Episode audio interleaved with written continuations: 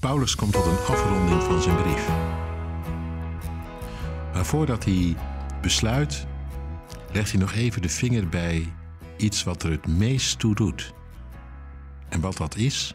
Nou, dat schrijft hij zelf. Ik lees het je voor. Efeze 6, vers 10. Ten slotte, zoek uw kracht in de Heer, in de kracht van Zijn macht. Ja, dat is in één zin gezegd waar het op aankomt, elke dag. Jezus zei ooit: Zonder mij kun je niks doen. Daarom komt het erop aan dat je blijft in mij. Zoals een rank hecht aan de wijnstok. En ieder begrijpt, als die rank daarvan losraakt, dan verdort hij. Al groeide die misschien heel mooi, al rijpt er intussen vrucht, maar daar blijft dan niks van over. Blijf in mij, zei Jezus daarom, dan blijf ik in jou en draag je al meer vrucht. Nee, dat gebeurt niet omdat je zo goed gelovig bent of al zo lang bekeerd. Dat is geen garantie. En dat weet je zelf ook maar al te goed als je al langer wandelt met God. Hier, hier ligt het geheim in wat Paulus tenslotte in deze brief schrijft in één zin. Zoek je kracht in de Heer, in de kracht van Zijn macht. Wat bedoelt hij daar nu mee? Hoe doe je dat dan?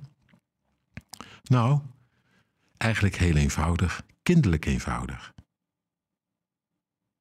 Dat je elke ochtend je hand ophoudt bij God, bij Christus. Dat je als het ware gaat staan in zijn licht, in zijn liefde. Blijf in mijn liefde, zei Jezus zelf. Dat je dat dan doet. En Judas, een discipel van Jezus, die ook een heel klein briefje heeft geschreven. Dus dat is een andere Judas dan degene die hem verriet. Maar die Judas die schrijft: Bewaar jezelf in de liefde van God door te bidden in de geest. Ja, dat is het hè. Gebed. Je hoeft het alleen maar uit te zeggen, je hand op te houden. Je hoeft het zelf niet uh, op te hoesten, die kracht. Maar je mag het ontvangen. Laat mij leven in uw liefde. Laat me leven door uw geest. Ik in u, u in mij. En dat belooft wat. De kracht van zijn macht staat hier.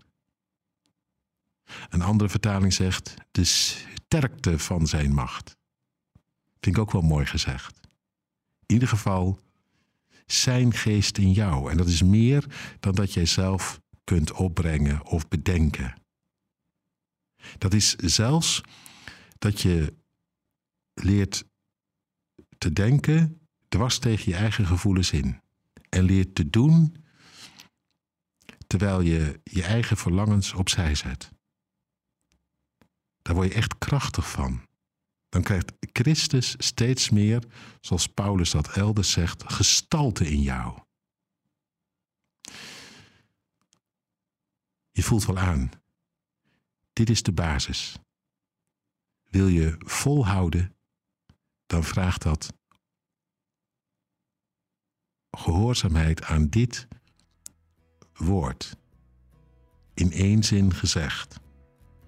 Zoek je kracht in de Heer. Vergelijk het met een oplader.